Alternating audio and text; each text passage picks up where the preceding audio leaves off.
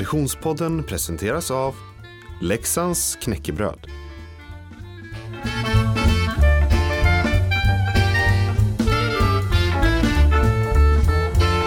Hej och välkommen till Konditionspodden. Vi är framme vid avsnitt tre denna tionde säsong. Och jag som pratar heter Frida Zetterström. Hej Oskar Olsson. Hej Frida Zetterström. Idag är det många mil emellan oss du. Alldeles för många. Ja, jag vågar lova att min utsikt klår din i denna stund. Ja, jag hade faktiskt eh, förmånen att köra videosamtal med dig idag och eh, då var det verkligen kontrasten med ett regnigt, eh, grått Göteborg med ett soligt, vackert Schweiz. Ja, det är eh, eh, fantastiska förutsättningar. Jag befinner mig på sportlov nere i Engelberg i Schweiz. Eh, sitter just nu eh, på mitt rum inne på SkiLodge Engelberg eh, och, och eh, blickar ut över liksom en solnedgång eh, över bergsmassiven. Ja, det är riktigt, riktigt härligt faktiskt. Lite dåligt med snö, eh, om jag ska vara eh, ärlig. Eh, det är ju det i, i, i Alperna den här säsongen. Men å andra sidan då har veckan bjudit på strålande sol och fantastiska förutsättningar. Och du såg väl var jag var någonstans när vi hördes idag? Klockan 08.30 vill jag bara... Nej, 09.30 var hon då. Ja, du stod på situationstecken rätt skidor. Exakt. De är väldigt, väldigt, väldigt smala och väldigt, väldigt, väldigt långa jämfört med de jag brukar åka på. ja, nej, men jag körde faktiskt mitt eh, andra träningspass eh, här nere. Eh, mm. Och båda träningspassen har faktiskt varit eh, två timmar drygt. Oj! Ja. Ja, bra. Mm. Ja. Det är, mm. På det är inte så långt kvar till första söndagen i mars. Nej, den, den, den tenderar att komma väldigt fort i slutet. ja, det är verkligen så. Men du, eh, den första söndagen i mars är det ju mycket som eh, eh cirkulerar kring eh, i eh, Konditionspoddens värld i detta nu och i många av våra lyssnares sinnen och mindset också troligtvis. Vi kommer helt enkelt att prata lite om status inför Vasaloppet. Och vi är så himla glada att vi har med oss våran trogna poddpartner Leksands knäckebröd. En eh, god kompis till oss, Oskar. Verkligen.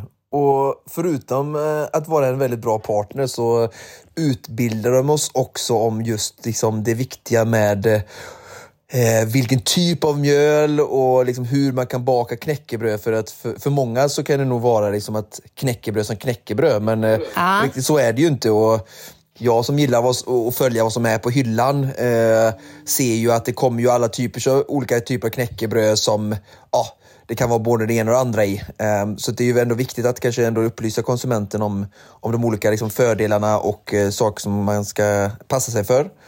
Ja. Um, och, och, om vi ska lyfta fram något av allt det braiga med just Leksands knäckebröd, då, vad, vad, vad, tar vi då?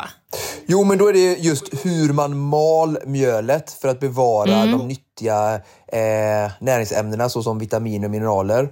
Och då har vi fått lära oss att det ska vara sammalet mjöl. Och Leksand eh, mm, mal ju sitt eh, mjöl själva. Eh, så de har ju koll på det. Eh, sen kan inte jag prata om eh, hur, hur andra gör, men det är någonting som är väldigt viktigt, viktigt för Leksand och någonting som är väldigt viktigt överhuvudtaget när det gäller att just bevara eh, näringsämnena då när, när, du, när du mal mjöl helt enkelt. Mm. Mycket bra! Och goda är de dessutom! Ja, verkligen. Som jag sagt tidigare så, så är det det stående alternativet just nu som mellanmål för min eh, sexåriga son. Så att, eh, eh då brukar det vara bra betyg när även han äter. Tack så mycket säger vi till Leksands knäckebröd. Ja, Oskar Olsson, om vi nu ska eh, eh dyka eh, eh, rakt ner i eh, havregrynsgröten. Eh, var befinner du dig? Eh, sist vi lämnade av eh, vad det gäller Konditionspoddens lyssnarnas öron så, så var du ju i Sidingcirkusen och det är du väl fortfarande? va? Mm. Hur har det I gått? En, I en ödmjuk sådan. Hur har det gått? Ja, alltså det är väl alltid en, en definition det där, alltså hur har det gått? Alltså, på ett sätt som klyschan säger så, så, så vinner vi eller så lär vi oss. Så att mm. så som det har gått är att jag, jag har fortsatt att lära mig. Mm, Sen om vi ska det. höra det här till normlagda svaret att har du kvalat än och klarat ditt uppsatta mål så är ju eh, svaret nej. Um, så det är alltid där hur vi definierar hur har det gått, eh, bra eller dåligt. Men eh, nej, jag är fortfarande som sagt ödmjukt i den här um, sidningscirkusen och um, ja, varje nytt lopp blir en, en bra lärdom och jag får ytterligare insikt i, i skidsporten och, och vad som är viktigt och framförallt alltså utifrån mitt eget perspektiv, för det är bara det perspektivet jag kan ha. Mina förutsättningar, min situation ehm, och eh, försöker ändå någonstans ta det med ro, eh, vilket såklart mm. är en utmaning för en tävlingsmänniska som jag, men det är nyttigt också att, eh, att jag verkligen får öva på, på tålamod och också ta saker eh, eh, inte för allvarligt. Om vi, om vi ska eh, titta på lärdomarna lite grann eh, eh och, och eh, vara skidspecifika. Eh, vilken är den senaste i raden av eh, stora lärdomar? Ja, men om vi pratar då om helgen som gick då, så gjorde jag ju Borås Ski Marathon. Um, mm. Så var ändå ett, ett kärt återseende uh, ur flera aspekter. Det var ju kanske det bästa sidningsloppet jag gjorde förra säsongen som var min första säsong på skidor och, och ja, när jag verkligen var uh, nybörjare. Mm. Um, och sen också att um, det är lite av en hemmaplan sett till teamets uh, och Team specialisten som jag, som jag är en del av. Uh, och, och, att ha det på hemmaplan uh, och, och sådär var ju, var ju jätteroligt att uh, det är nära omkring och vi, vi känner många i, där och, och träffar mycket människor. Och, ja, viktigt också för oss som team att synas där på platsen eftersom vi har mycket kunder runt omkring och, och sådär knutna till teamet och butiken som Jan driver. Mm. Så um, det var jätteroligt. bra stämning. Um, och jag hade ju övat mycket um, teknik eftersom att eh, loppet dessförinnan så, eh, ehm, så eh, saltades, eller vad säger man? Ehm, grusades, säger man. Jag brukar salta snön när det är plusgrader och konstsnö, så jag är, jag är kvar i, i, det. Men, nej, men så skämt åsido, i, i Västgötaloppet där då, så grusades mina eh, chanser om att eh, sida mig, vilket nog hade varit fullt möjligt eh, så som loppet utkristalliserade sig. och eh, så. Men det ingår ju som sagt att stå på benen och ehm, det gjorde jag inte. Och, eh, men i Borås då så hade jag övat mycket och eh, kände eh, verkligen att eh, ja, att tekniskt gjorde jag ett jättebra lopp. Ehm, och ehm, ja, alla andra bitar som jag har missat på gjorde jag verkligen bra. Mm. Sen eh, då den skidspecifika lärdomen jag kanske tar med mig från det här loppet är väl att jag är fortfarande en väldigt eh, tävlingsmänniska och eh, ja, eh, någonstans går in eh, varje tävling med att jag ska hänga med täten, alltså de som är absolut längst fram, så länge jag bara kan. Um, och Den här gången höll det i två varv. Um, och mm, det kanske inte maximerar min prestation, men någonstans hade jag gjort bedömningen att det kanske var nästan ändå det som skulle krävas för en elitsidning. Nu så här efterhand så, det är svårt att säga då, men det kom in tre stycken Trillevallen-åkare, väldigt duktiga, varav han som vann, vann med dryga två minuter då, eh, över, över väldigt kompetenta eh, åkare såsom Johannes och, och Marcus Jönsson. Eh, så att, och det, jag vill ha sagt med det var att det var en väldigt hög fart i början kanske då, som, som och jag gick ju med där då, eh, vilket var, var min strategi från början. Och kanske lärdom att eh, välja sina fighter och eh, veta när du ska släppa och när du går för, för hårt och sådär. eh, jag föll väldigt hårt eh, bakåt i fältet eh, innan jag de sista två, tre varven kunde ehm, hämta upp mig, eh, både fysiskt och faktiskt mentalt och eftersom motivationen var ganska tuff där. Um, mm. När det kändes som att loppet någonstans var kört liksom, så skulle jag motivera mig till att ändå ta mig i mål. Och att, um, ja. Så att, en viktig lärdom är ju att överhuvudtaget på skidor, liksom att, uh, det, det, är ändå två timmar i princip som vi, som vi köper med loppen och uh, det, går inte, det finns en gräns för hur hårt du kan gå i början och um, den håller jag väl fortfarande på att lära mig vad den, vad den är. Mm. Um, samtidigt så kan jag ju välja att se det också som att förra, första säsongen, eller förra året, i princip samma år ju, men eh, så hade jag inte ens tekniken och, och fartresurserna att gå med om jag ens hade velat eh, täten för jag, jag saknade den hastigheten. Nu, nu har jag kommit så långt att jag har verkligen farten i kroppen tack vare teknisk utveckling och ja, en god fysik som kanske sitter kvar sen innan. Ehm, mm. Så jag kan gå med dem, men ehm, ändå så, så tekniskt eh, sett så, så, är jag inte tillräckligt bra för att, för att orka eh, åka med dem tillräckligt länge. Liksom. Så att, eh, det, det är väl den lärdomen lite att eh, ja, hitta min nivå, mina utgångsfarter, välja när jag ska släppa och inte släppa och sådär. Och eh, ja, även jag har mina gränser, även om jag inte vill se dem. Alltid.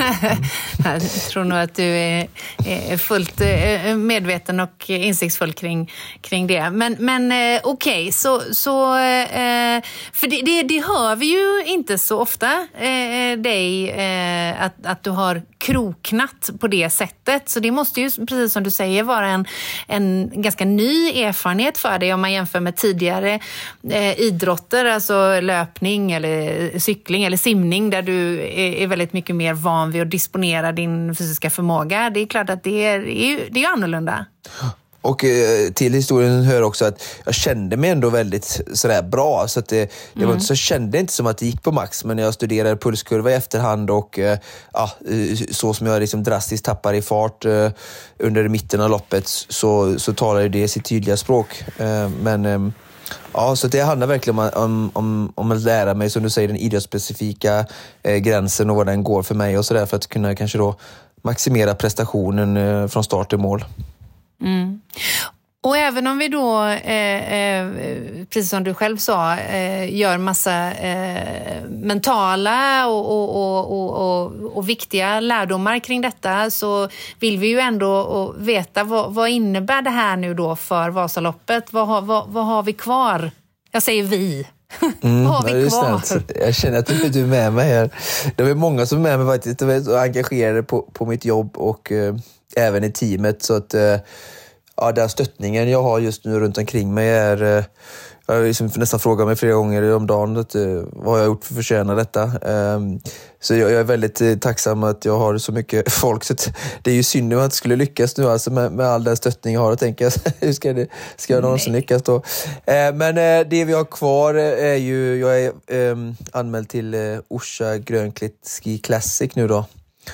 Um, mm. Så det, det är ju på tal om Ski Classic då, vårt senaste avsnitt, eh, nummer två, eh, säsong 10 med Alfred Buskvist som är alla som lyssnat på det vet han har den gröna ledartröjan och eh, hela den cirkusen då eh, som vi pratade lite om i förra avsnittet eh, kommer ju nu då till Sverige för, för första mm. gången för säsongen och ja, förutom Vasaloppet då, då, då, är ju hela cirkusen här igen. Men, ehm, så det är ju lite häftigt och kul ehm, och ehm, det är väl också så att eh, det är ett lopp som, när Ski Classic-åkare kommer, hela cirkusen, så, så, så blir det ju på något sätt kan det bli lite enklare att sida sig. Um... Och, och, ta det igen då. Jag vet vi pratade ju om det eh, i förra veckans avsnitt eh, och trots att jag då var med i det avsnittet så har jag inte riktigt lärt mig. Vad betyder det då? För att eh, om Alfred och, och verkligen eliten då, med mm. honom i, i spetsen, eh, mm. kommer, vad får det för konsekvenser för hur svårt det är att sida sig?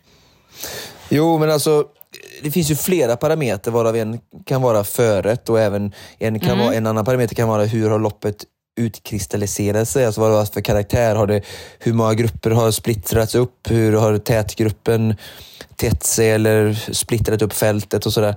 Och sen en annan Vilket man ju först vet först efteråt då såklart. Självklart. Mm. Och sen även mm. då en annan eh, faktor då som är vilk, hur, hur duktiga eller rankid eh, FIS-åkare eller skidåkare överlag är, är med till exempel. Då. Och mm. när hela cirkusen kommer så är det verkligen så bra eh, startfält det bara går att få i långloppstermer eh, så att säga. Så att, att de är med då, då, då blir det alltså en, en, en, fler minuter bakom vinnaren. Um, som, som tillåts. tillåts för att sida sig mm. till elitled eller led 1 eller led 2 eller vilket led den än är i Vasaloppet.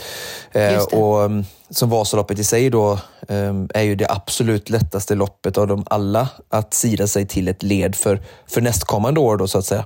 Mm. Och mm. Eh, ja, här har jag ju, det är också en, en lärdom i, i säsongen eh, och samtidigt som är en, det är en liten frustration men samtidigt det är verkligen the name of the game och samma för alla. Och, um, några då personer som jag, de första två, tre loppen jag körde um, var före med marginal, har varit på andra lopp och såklart presterat kanske likvärdiga prestationer eh, och enligt mig, mig, i alla fall också då uh, gjort klarat elitserien och är nu mm. då inne i elitledet men, men här står jag ut, utanför uh, ensam ja. känns som. Nej, nu är jag lite offer här uh, med glimten i ögat. Men så att, det handlar verkligen mycket om att, att, ehm, att göra en bra prestation på, på rätt sidningslopp med rätt startfält och, och, och sådär. Då.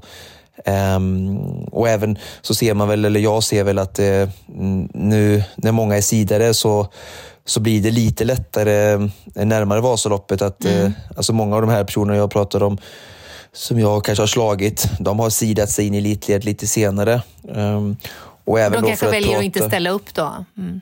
Ja. Mm. Uh, och, sen har vi ju då ja, några åkare som jag har varit före hela säsongen sidade sig i Marcialonga.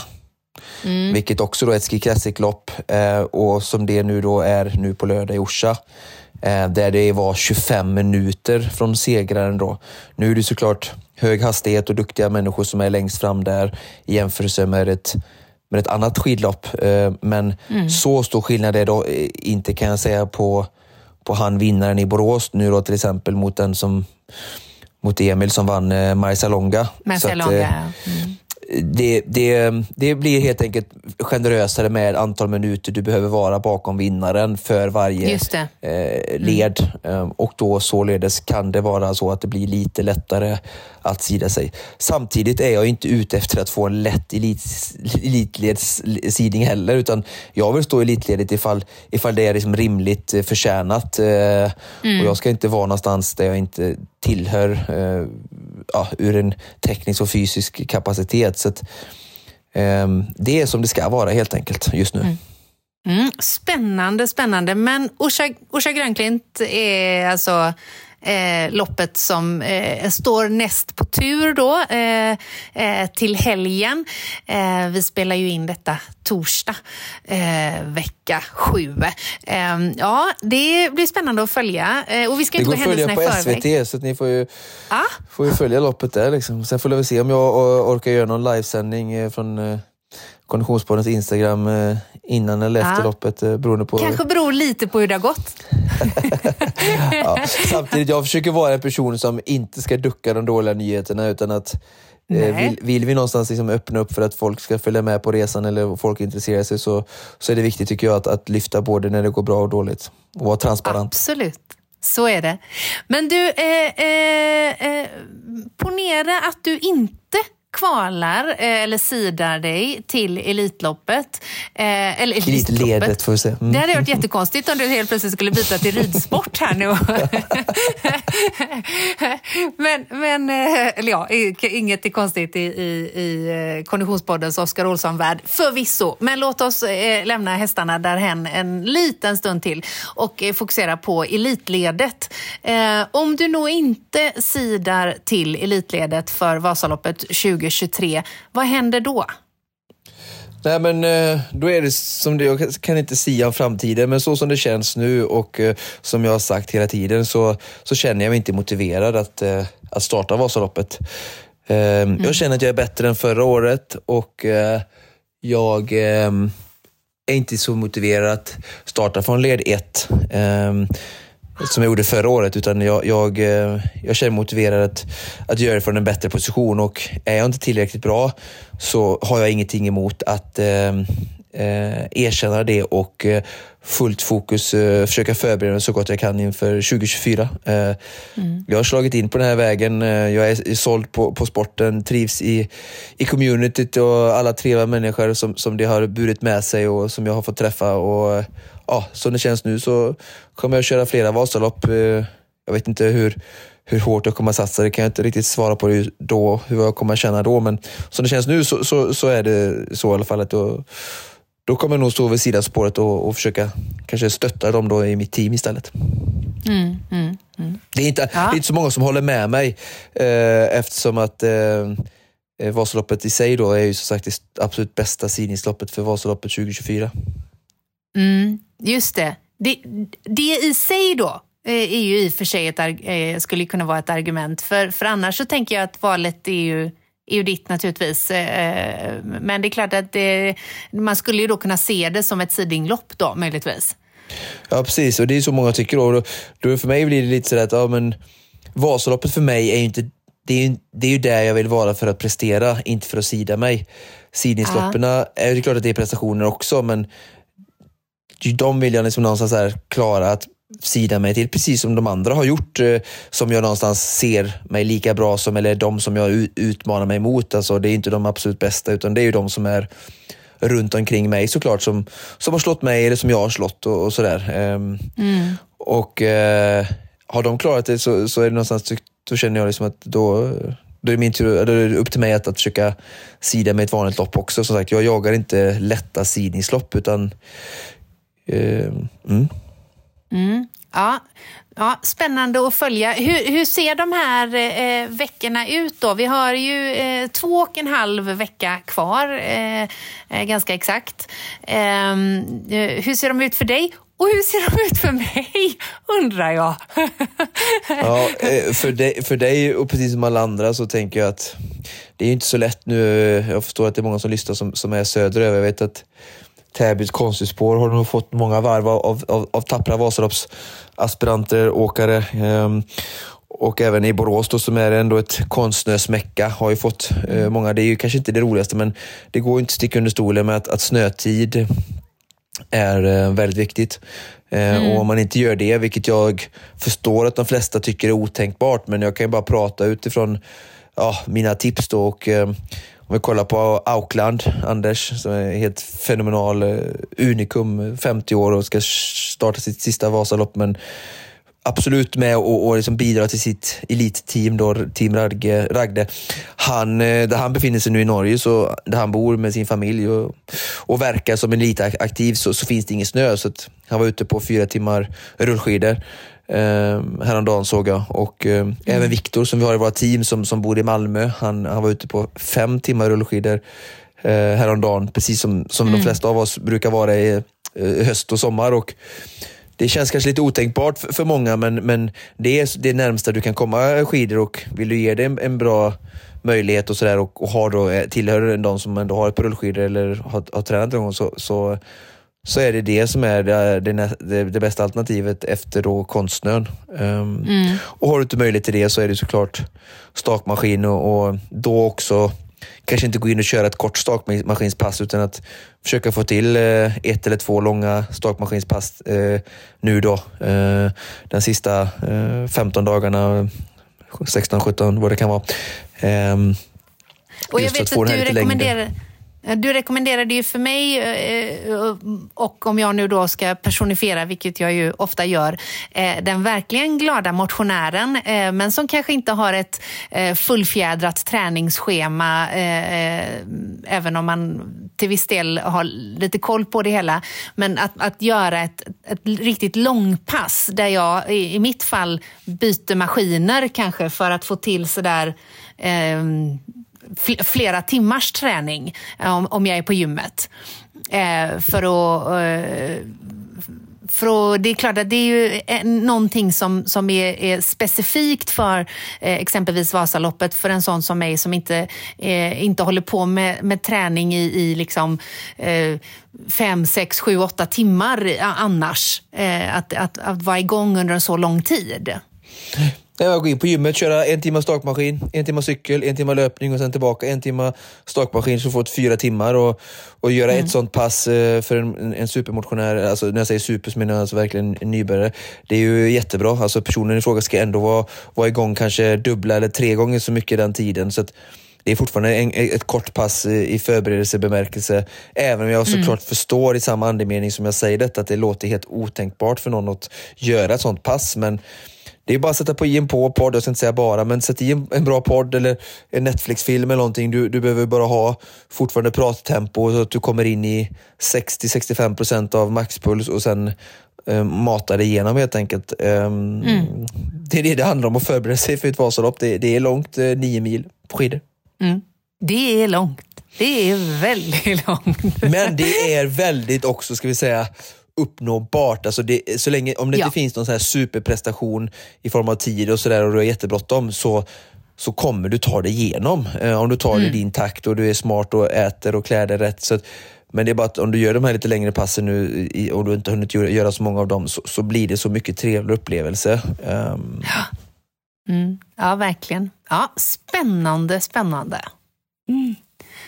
Mm, vi har ju våran eh, eh, tredje poddpartner, höll jag på att säga, eh, poddkompis, eh, eh producent Niklas Axede, skulle egentligen ha joinat in oss här i inspelningen från en tredje destination och ort. Eh, han befinner ju sig i Trysil, tror jag det är just nu. Men i rollen som alpintränare så vet jag att han skulle jaga in några av hans adepter på väg hem från backen. Så att, eh, eh, eh det är härligt att någon av oss eh, eh, har snö under fötterna eh, precis i, i detta nu.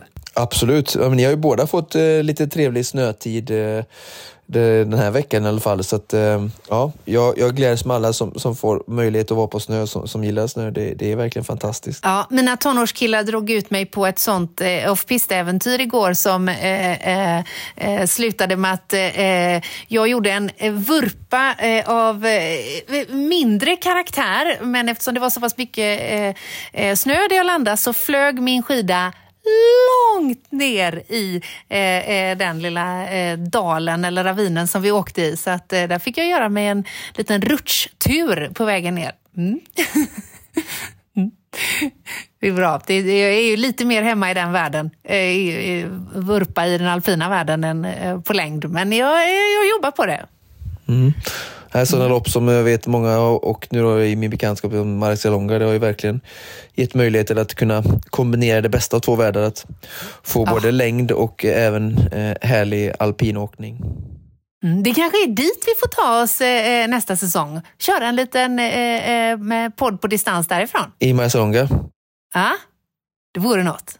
Ja, jag känner, ja, det, precis, det, det är ju ett lopp för, för upplevelse. Ehm, jag är ju så mycket nu att jag vill försöka höja min eh, nivå och eh, ehm, ja, bli bättre. Jag vet inte, Marcialonga kanske inte hade det, är, alltså det, är ju så, ja, det blir verkligen en, en nöjesresa mer. Eh, Jag känner inte att jag har så mycket att, att bidra med där när det gäller liksom de framskjutna eh, placeringarna. Så att.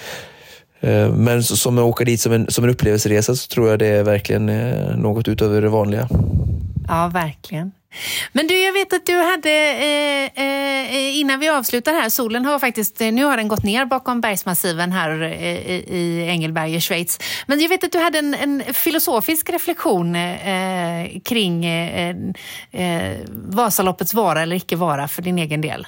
Ja, alltså jag, jag, jag har gått i de här tankarna länge och så har det alltså verkligen eh, kommit till mig just det här vikten av att eh, våga gå sin väg, eh, känna in vad du, vad du vill och, och jag tror att vi överlag, vi människor, Um, alltså det är lätt att ryckas med och jag känner det lite också nu att men jag, jag kommer inte ryckas med för jag är inte är, kanske inte är riktigt den personen men och jag har full förståelse för människor som, som verkligen som rycks med av sin omgivning och hur vi lätt kan påverkas. Och just det här att många i min omgivning då eh, som är skidnördar och skidintresserade och intresserade i mig, vilket jag är jättetacksam för. De tycker verkligen här att, att inte starta, ställa upp i Vasaloppet känns helt verklighetsfrånvändande.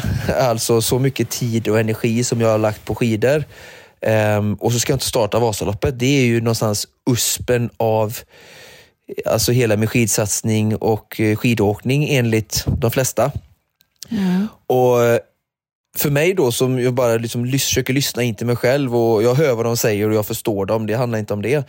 Men när jag lyssnar inåt i mig själv så har jag satt upp ett mål och lagt ner allt arbete för att just sida mig in i elitledet som jag någonstans känner är uppnåeligt för mig eftersom att jag då eh, har eh, varit före skidåkare som har i år sidats in i, i, i elitledet. De må vara bättre än mig men eh, det kan ju inte vara så långt ifrån då eftersom jag har ändå lyckats vara före dem vid, vid eh, flertalet tillfällen. Så då säger det mig någonstans att det är ändå någonstans en rimlig målsättning. Um, och det är under de premisserna som jag kommer finna den riktiga motivationen att, att genomföra ett, ett Vasalopp eh, så som det förtjänas att genomföras eh, av mig. Då. Um, mm. och, och, just det här då att om vi inte känner motivation för någonting, alltså jag har pratat om det i podden förut och det är lite det här vi sammankopplar filosofiskt till alla våra livsval eller våra alltså, nöjen, intressen, vad vi tar oss an. Alltså att ja, vi, vi, har pratat om eh, nyårslöften eh, och, och hälsa och, och, förändringar och jag, jag har sagt att folk frågar mig hur ska vi, vi hur, vad är nyckeln till att få eh, det att hålla i längden? För vi alla vet ju att någonting som är väldigt vanligt är att folk börjar och sen håll, löper inte linan ut. Och Det kan vara en utbildning och det kan vara ett nytt träningsmål och det kan vara en partner. och det, alltså så. Mm. Och Någonstans i grund och botten för mig så är svaret någonstans att vi känner oss själva inte tillräckligt bra. Så vi inte läser av kanske de signalerna vi får för vad tycker jag, känns det här verkligen roligt? Känns det här verkligen meningsfullt för mig? Är det här vad jag vill i, mm. inne i mig, i mitt hjärta? Eller är det här eh, påverkat av min omgivning och sådär. Och det är lätt att ryckas med av vår omgivning och normer och åsikter och andras sådär. Det, det känner jag ju som sagt redan nu. Alltså att jag har nästan så lite svårt att, det känns som att jag nästan sviker de i min omgivning som har lagt så mycket energi på mig om jag inte gör som de tycker. Vilket är mm oavsett om du sidar eller inte så ska du starta i led 1, självklart. Och du, med din prestation så kommer du klara sidor till elitledet på Vasaloppet till året nästa, 2024. Och, och då kommer jag ändå säga så här, men fast det är inte mitt mål att bara klara sida mig till elitledet på ett Vasalopp, utan jag vill sida mig till elitledet för jag har förtjänat det och sen vill jag ju vara en person som åker skidor, inte på heltid eh, på något sätt eller tror att jag är någon elit satsande alltså, atlet på något sätt, men att jag under upprepade lopp eh, håller mig kvar i elitledet och, och bevisar för mig själv att jag hör hemma här och inte bara genom att jag gör ett bra Vasalopp en gång om året. Jag har liksom en annan målsättning med min skidåkning och att verkligen utveckla en teknik och befästa mig i det skiktet någonstans, ja, topp 150 på Vasaloppet och, och sådär. Och det är det som mm. driver mig. Det är där jag finner meningsfullhet. Eh, vare sig det är liksom på tio timmar per vecka basis eller vad det än kan vara. Um, men så är det där utvecklingen och drivet att vilja bli bättre och, och ha det som en, som en hobby och som en motionsform eh, för mig eh, utsidan av eh, arbete och familj som driver mig. Eh, och det, mm. det är ju någonting som har liksom landat och som jag formulerar eh, i mig själv och i min målsättning. Och, mm, ja, så att, det här känner jag bara så att det, var viktigt att verkligen förmedla det, att alla ska gå hem till sig själva, att känna att Gör du verkligen det som du tycker är roligt och är det meningsfullt och känner du oftast kanske glädje och motivation till det och gör du inte det så kanske du ska ifrågasätta om, om varför och om du kan hitta något annat som, som du verkligen tycker är roligare eller, eller bättre mm. och, och, inte vara, mm. vara rädda för, för att uh, gå emot vare sig det är norm eller omgivning. Uh, och inte bara för att man ska gå emot för att sakens skull, utan ja, det, och det kan vara tufft. Mm. Ja, men jag tror att det kan definitivt vara tufft. Det kan ju också vara svårt att särskilja eh, eh, vad som är... Man kan ju ha som, eh, som en drivkraft i sig själv att också eh, vara en del av det som omgivningen förväntas. Alltså det är svårt att hålla isär de där känslorna. De är ju inte alltid eh, renodlade. Eh, det är inte alltid de är, vill olika heller. Så att Eh, Eh, det, det, det, viktigaste är väl egentligen att göra reflektionen och, och, och fundera eh, kring det. Um, nu är ju det här väldigt konkret, där, där, där det handlar om ja eller nej, ställa upp eller inte ställa upp i loppet. Men annars kan det ju vara lite svårt eh, att och, eh, särskilja eh, både beslut och känslor, tycker jag, i det. Mm.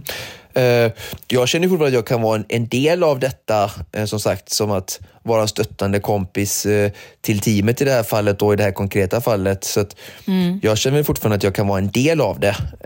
Bara att jag vill liksom inte just utsätta mig för Vasaloppet från led 1, för att jag känner mig mm. inte motiverad eller nöjd med det, utan mm. då känns det mer motiverande liksom att jag, jag, eh, jag laddar om och, och, och lägger den kraften och energin på, på att förbereda mig för nästa år helt enkelt. Mm, mm. Om det är så det blir. Mm. Om det är så det blir. Ja, spännande. Men först är det lördag. Först är det lördag eh, och det ser vi fram emot att eh, följa. Eh, vi, kan väl, vi kan väl utlova en uppdatering på, på vårt Instagram även om det inte blir en eh, eh fullskalig race report. Absolut. Har ni tagit er igenom hela det här långa Vasalopp-specifika eh, avsnittet så ska vi självklart eh, inte leave you out hanging som de säger. Nej, Nej precis. Ja, det är bra. Mycket mycket bra. Eh, eh, vi, vi skidar vidare och vi brukar ju efterfråga lyssnarnas eh, tankar, reflektioner eh, och önskemål. Och jag vet att vi har fått in eh, flera eh, förslag på ämnen och liknande. Det var ett specifikt som jag vet att vi har pratat om tidigare eh, som vi kanske bara ska nämna för att det var så, eh, det var så intressant i ingången. Ja, eh, Johan Bergström har skrivit ett gediget meddelande eh, trogen lyssnare och har några tips eh, på teman och avsnitt. Eh, så att eh, Johan, vi har ditt meddelande och vi, vi tycker det finns massa spännande eh, punkter och ämnen att lyfta där. Ehm, så att eh, tacksamma för att vi har fått in detta och vi kommer plocka upp det men eh, det kommer krävas ett, ett, större tag. Ja, vi, precis. Vi måste ta ett grepp om eh, de här eh, ämnena och eh, eh, reflektionerna som kommer in. Men fortsätt gärna hör av er. Vi heter ju Konditionspodden både på Facebook och i Instagram. Ehm, ja, det här, kära eh, eh, Konditionspodden-kompisar, tror jag, ifrån den lilla alporten där jag befinner mig, ifrån Göteborg där du befinner dig. Det var nog allt vi hade att bjuda på, eller hur? Mm, sportlovshälsningen. Sportlovshälsning, det skickar vi. Eh, ha det så gott så hörs vi igen om en vecka. Precis som vanligt produceras Konditionspodden av Fredag. Connect Brands with People.